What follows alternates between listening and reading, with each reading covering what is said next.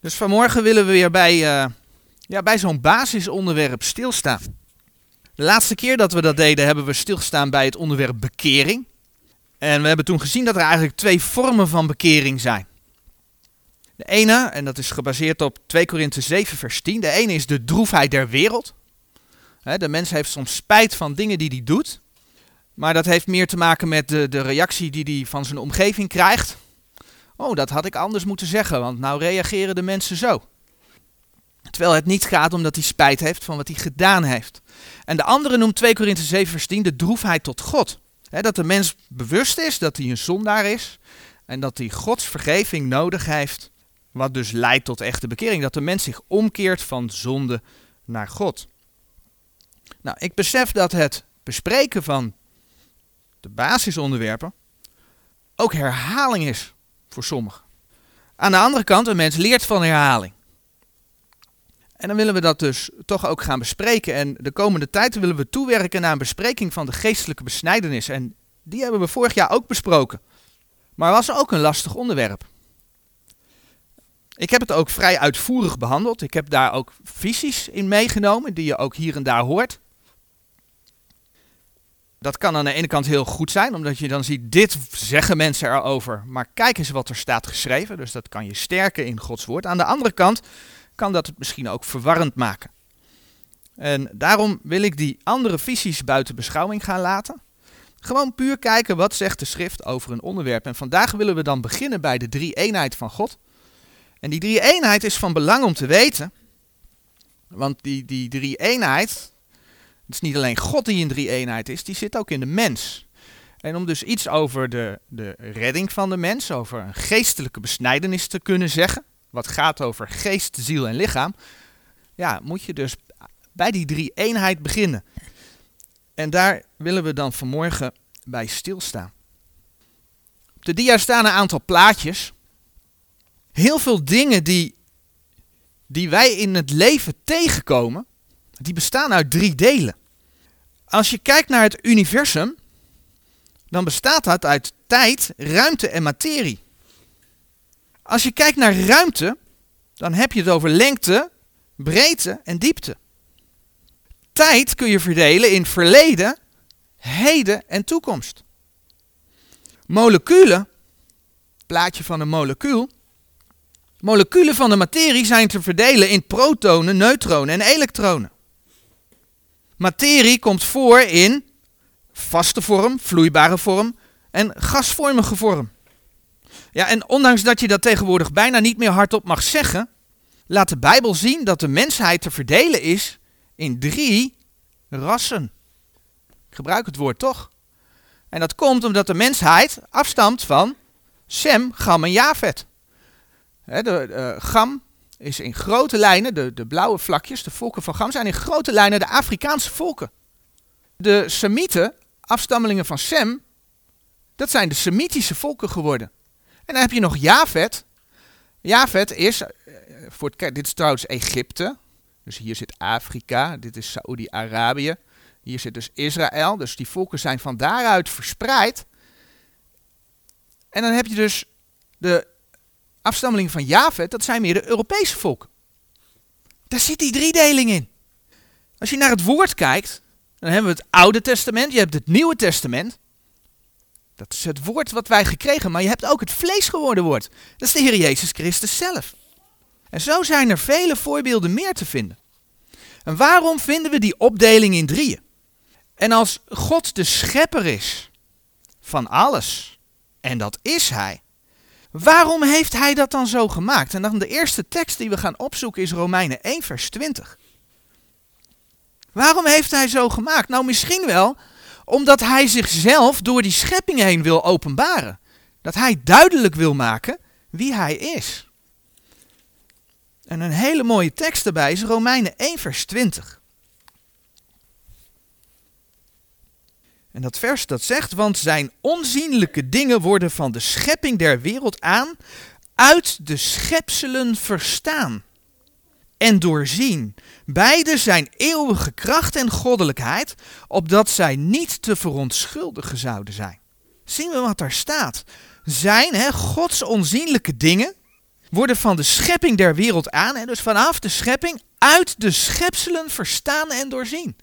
Dus God wil door de schepping, door zijn schepselen heen, zichzelf kenbaar maken. Ja, en zo laat de Bijbel zien dat God zelf, de volgende tekst die we opzoeken is 1 Johannes 5 vers 7, dat God zelf uit drie delen bestaat. Sorry dat ik God even drie delen noem, maar ja, zo is het wel. 1 Johannes 5 vers 7. Vorig jaar heb ik een keer proberen aan te tonen waarom dit vers gewoon in de Bijbel thuis hoort. Omdat velen, ook veel nieuwe vertalingen, dit vers ofwel tussen twijfelhaken plaatsen of weglaten.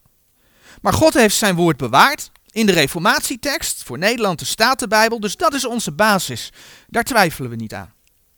En 1 Johannes 5 vers 7 zegt nu eenmaal, want drie zijn er, die getuigen in de hemel, de Vader, het Woord en de Heilige Geest. En deze drie zijn één. Heb je het? Deze drie zijn één. 1 Johannes 5 vers 7. Het gaat dus om de Vader, het Woord en de Heilige Geest. Ja, maar daar staat de Zoon niet bij. Dan bladeren we naar Johannes. Want de schrift openbaart dat de Heer Jezus het Woord is. Het vlees geworden Woord. Johannes 1, vers 14. En het woord is vlees geworden en heeft onder ons gewoond. En wij hebben zijn heerlijkheid aanschouwd. Een heerlijkheid als des enige geborene van de Vader, vol van genade en waarheid. Wie is dat? Wie is het vlees geworden woord? Wie is naar de aarde gekomen? Gaat over de Heer Jezus. Lees de context maar. En dan zie je dus dat het God is die geopenbaard is in het vlees. 1 Timotheus 3, vers 16. En zo zijn er andere schriftplaatsen, bijvoorbeeld Handelingen 5, vers 3 en 4 gaan we niet opzoeken, die ook laten zien dat de Heilige Geest God is. En deze drie zijn één. 1 Johannes 5, vers 7. Maar de mens, dan bladeren we helemaal terug naar Genesis, naar de schepping. De mens is van oorsprong naar het beeld van God geschapen. Dan lees je in Genesis 1, vers 26 en 27. En God zeide, laat ons mensen maken naar ons beeld, naar onze gelijkenis. En dat zij heerschappij hebben over de vissen der zee en over het gevogelte des hemels en over het vee en over de gehele aarde en over al het kruipend gedierte dat op de aarde kruipt. En God schiep de mens naar zijn beeld, naar het beeld God schiep hij hem, man en vrouw schiep hij hen. Wij zijn oorspronkelijk naar Gods beeld geschapen en de Heere wil zichzelf openbaren door zijn schepselen heen. Dat hebben we gezien. Dus het schepsel mens laat iets zien over de Heere God. Ja, en dan laat de Bijbel dus zien dat ook wij mensen bestaan uit drie delen. Je vindt dat al in Genesis 2, vers 7, waar God Adam schept. Maar de apostel Paulus bevestigt dat in 1 Thessalonicense 5, vers 23. 1 Thessalonicense 5, vers 23. En de God des vredes zelf heilige u geheel en al. En uw geheel oprechte geest en ziel en lichaam worden onberispelijk bewaard in de toekomst van onze Heer Jezus Christus. Zien we dat? Geest en ziel en lichaam. Dat zijn er drie. Ik kan het niet laten om toch even een opmerking te maken. Dus zodra je hoort beweren dat geest en ziel eigenlijk hetzelfde zijn, niet geloven, God bestaat uit drie. Wij zijn naar Gods beeld geschapen van oorsprong. En de Bijbel zegt wij zijn geest en ziel en lichaam. Wij bestaan uit drie. Dat is de driedeling van de mens. En wanneer we dat toepassen op de Heere God, want zijn schepselen openbaren iets van Hem, dan zien we dat God de Vader de ziel van de Godheid is. Wij kunnen Hem niet zien. Dat God de Zoon de belichaming van de Godheid is en dat God de Heilige Geest de geest van de Godheid is. Zo is dat te begrijpen. Ik heb in het verleden het voorbeeld van het molecuul water wel gebruikt. Dat bestaat namelijk uit drie delen. Een zuurstofatoom en twee waterstofatomen. Ik ben veel vergeten van de scheikunde, maar dat heb ik nog onthouden. Het bestaat uit drie delen, maar het is één molecuul. En ondanks dat het uit drie delen bestaat, is het dus, wij kennen het als één ding. We kennen het als water. Haal je die drie uit elkaar, heb je geen water meer. Dus het is een drie-eenheid. Als je het uit elkaar haalt, dan heb je zuurstof en je hebt waterstof. Dat is geen water. Dus het zijn drie dingen die samen een eenheid vormen. Een ander voorbeeld is de voetbal. De buitenkant is vaak van leer, van kunststof. Maar om daar lucht in te krijgen en dat een bal te laten zijn, moet daar een binnenbal in zitten. Dat is hetzelfde eigenlijk met, met de band van een fiets. Daar heb je een buitenband en je hebt een binnenband. Die binnenband pomp je op. Maar die, die binnenbal die krijgt de vorm van die voetbal. En zo is het ook met de ziel. Die binnenbal en die buitenbal, die, die buitenkant, die zitten tegen elkaar aan. Krijgt dezelfde vorm. En dat geldt dus ook voor de ziel. Daar kom ik zo op terug. Als we het over het lichaam hebben, dan weten we wel wat daarmee bedoeld wordt. Ik bedoel, dat is heel tastbaar. Hè? De Bijbel vergelijkt het lichaam met een tent, een tabernakel. In 2 Korinthe 5 vers 1, daar lezen we dat Paulus zegt... 2 Korinthe 5 vers 1... Want wij weten dat zo ons aardse huis deze tabernakels gebroken wordt. Tabernakel is een tent. Wij een gebouw van God hebben, een huis niet met handen gemaakt, maar eeuwig in de hemelen. Als Paulus het over deze tent heeft, deze tabernakel die afgebroken wordt, heeft hij het over zijn lichaam. En die tent die wordt voor een kind van God, een wederomgeborene, in 1 Korinthe 6, vers 19 en 20, zelfs een tempel van de Heilige Geest genoemd. 1 Korinthe 6, vers 19 en 20. In die verse lezen of weet gij niet dat jullie de lichaam een tempel is des Heilige Geestes die in u is, die gij van God hebt, en dat gij uws zelfs niet zijt, dat je niet van jezelf bent. Want gij zijt duur gekocht, zo verheerlijk dan God in uw lichaam en in uw geest, welke godes zijn. We komen hier in latere delen op terug, maar de Heere vraagt dus van ons dat we met ons lichaam de Heere verheerlijken.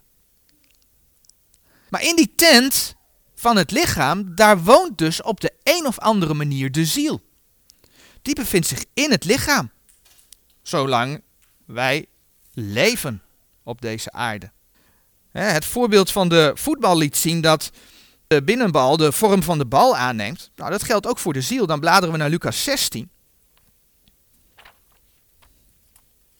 Dat geldt ook voor de ziel, maar de ziel is geen balvormig iets, maar die ziel heeft een lichamelijke vorm. En in Lucas 16, vers 19 tot en met 31 lezen we over de rijke man en de arme Lazarus. En dat gedeelte maakt heel veel duidelijk over wat een ziel is. En we gaan de versen vanaf vers 19 lezen tot en met 24. En er was een zeker rijk mens en was gekleed met purper en zeer fijn lijnwaad, levende alle dag vrolijk en prachtig. En er was een zeker bedelaar, met name Lazarus, welke lag voor zijn poort vol zweren en begeerde verzadigd te worden van de kruimkens die van de tafel des rijken vielen. Maar ook de honden kwamen en lekten zijn zweren. En het geschiedde dat de bedelaar stierf en van de engelen gedragen werd in de schoot van Abraham. En de rijke stierf ook en werd begraven. En als hij in de hel zijn ogen ophief, zijnde in de pijn, zag hij Abraham van verre en Lazarus in zijn schoot. En hij riep en zeide, Vader Abraham, ontferm u mijner en zend Lazarus, dat hij het uiterste van zijn vingers in het water dopen en verkoele mijn tong, want ik leid smarten in deze vlam. Even voor de duidelijkheid, we lezen hier over Abrahams schoot. Dat heeft te maken met de oud-testamentische situatie. Als, als wij komen te overlijden, gaan we naar de Heer in de hemel. Maar dit spreekt over de oud-testamentische situatie, maar het gaat wel over een ziel. Een ziel die in de hel is en een ziel die in Abrahams schoot is. Vaak wordt dit afgedaan als een gelijkenis. Want ja, dit gedeelte spreekt over de realiteit van de hel. Dus dat willen mensen wegverklaren. Dat is een gelijkenis, daar hoeven we niet zoveel waarde aan te hechten. Maar dit is geen gelijkenis. Nergens lees je het is gelijk aan of Jezus sprak een gelijkenis. Nee, dat staat er niet. Dit is gewoon een geschiedenis. En de Heere vertelt dit, dus hij bevestigt ook dat dit zo is. Nou, en uit dit gedeelte, daar blijkt dus dat een ziel, dat hebben we net gelezen, ogen heeft. Dat was vers, uh, vers 23, als hij in de hel zijn ogen ophief. En als je dus vers 23 en 24 verder leest, dan zie je dat een ziel vingers heeft. Dan zie je dat een ziel een tong heeft. Je ziet dat een ziel dorst kan hebben, dat een ziel pijn kan lijden. En als we dan naar Openbaring 6 bladeren, Dan lezen we over zielen in de hemel. Dat gaat over tijdens de grote verdrukking. En dan lees je in vers 9 dat het over zielen in de hemel gaat. Maar kijk wat er dan in vers 11 geschreven staat. En aan een iegelijk, aan een ieder werden lange witte klederen gegeven en hun werd gezegd dat zij nog een kleine tijd rusten zouden, totdat ook hun mededienstknechten en hun broeders zouden vervuld zijn die gedood zouden worden, gelijk als zij. We zien hier dat zielen klederen krijgen. Een ziel heeft dus een lichamelijke vorm. Ons lichaam is dus de uiterlijke verpakking van onze ziel. We kunnen de ziel niet zien, maar we zien het lichaam wel. Dat geldt zowel voor het menselijk lichaam als voor de Heere God, voor God de Vader. God de Vader zien we niet. We zien op dit moment de Heer Jezus natuurlijk ook niet, maar als Hij gaat komen zien we Hem. Toen Hij op aarde was, zagen de mensen Hem. Voor het Nieuwe Testament verscheen de Heer Jezus, verscheen de Heere als de engel des Heren in het Oude Testament. Was herkenbaar aan een lichaam. God de Vader kunnen we niet zien, dat wordt in eh, Johannes 1, vers, uh, vers 18 gezegd. En daarom lezen we dus, ik noemde net hè, dat men de Heer Jezus zag. Nou, de Heer Jezus die zegt in Johannes 14, vers 9. Jezus zeide tot hem, ben ik zo lange tijd met u lieden en hebt gij mij niet gekend, Filippus? Die mij gezien heeft, die heeft de Vader gezien. En hoe zegt gij, toon ons de Vader? En dan komen we als laatste nog bij de Geest. De Heilige Geest. En de Heilige Geest, die wordt in Gods woord vergeleken met wind. In Johannes 3, vers 8 lezen we bijvoorbeeld. De wind blaast waarheen hij wil en gij hoort zijn geluid, maar gij weet niet van waar hij komt en waar hij heen gaat. Alzo is een iegelijk die uit de geest, uit Gods geest geboren is. En wanneer op de Pinksterdag de Heilige Geest komt, Handelingen 2 vers 2, dan horen de discipelen een geluid als van een geweldige gedreven wind. Je kunt de Heilige Geest dus niet zien, maar hij is er wel. En als de Heere God de mens schept, dat is weliswaar voor de zondeval, want na de zondeval is daar een situatie veranderd, maar daar gaan we dus in volgende keren over hebben. Als de Heere God Adam schept, dan blaast hij in zijn neusgaten, Genesis 2 vers 7, de adem des levens. En Adam werd een levende ziel. De Heilige Geest, de geest van de mens, heeft dus te maken met wind, heeft te maken met adem. En dan komen we ze in 1 Korinthe, dat is de laatste tekst die we voor nu opzoeken, 1 Korinthe 2 vers 11, beide geesten tegen. 1 Korinthe 2 vers 11.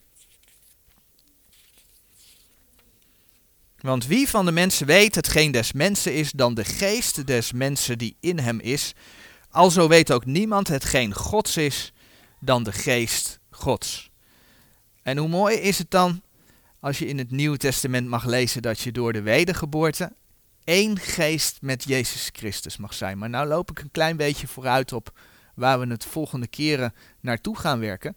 Dat is hoe zit dat nou met de wedergeboorte, met de zondeval? Hoe zit dat nou met dat lichaam? Geest, ziel en lichaam. De Bijbel is daar eigenlijk heel duidelijk in. Je hoort het nergens. Nou ja, weinig. De Bijbel is heel duidelijk. En als je dat plaatje eenmaal gaat zien, dan is je redding ook heel tastbaar. Want God beeldt het eigenlijk uit in zijn woord. En dat is echt, dat is, als je dat, dat ziet, dat is geweldig. Nou, daar hopen we dan een volgende keer hopen we mee verder te gaan.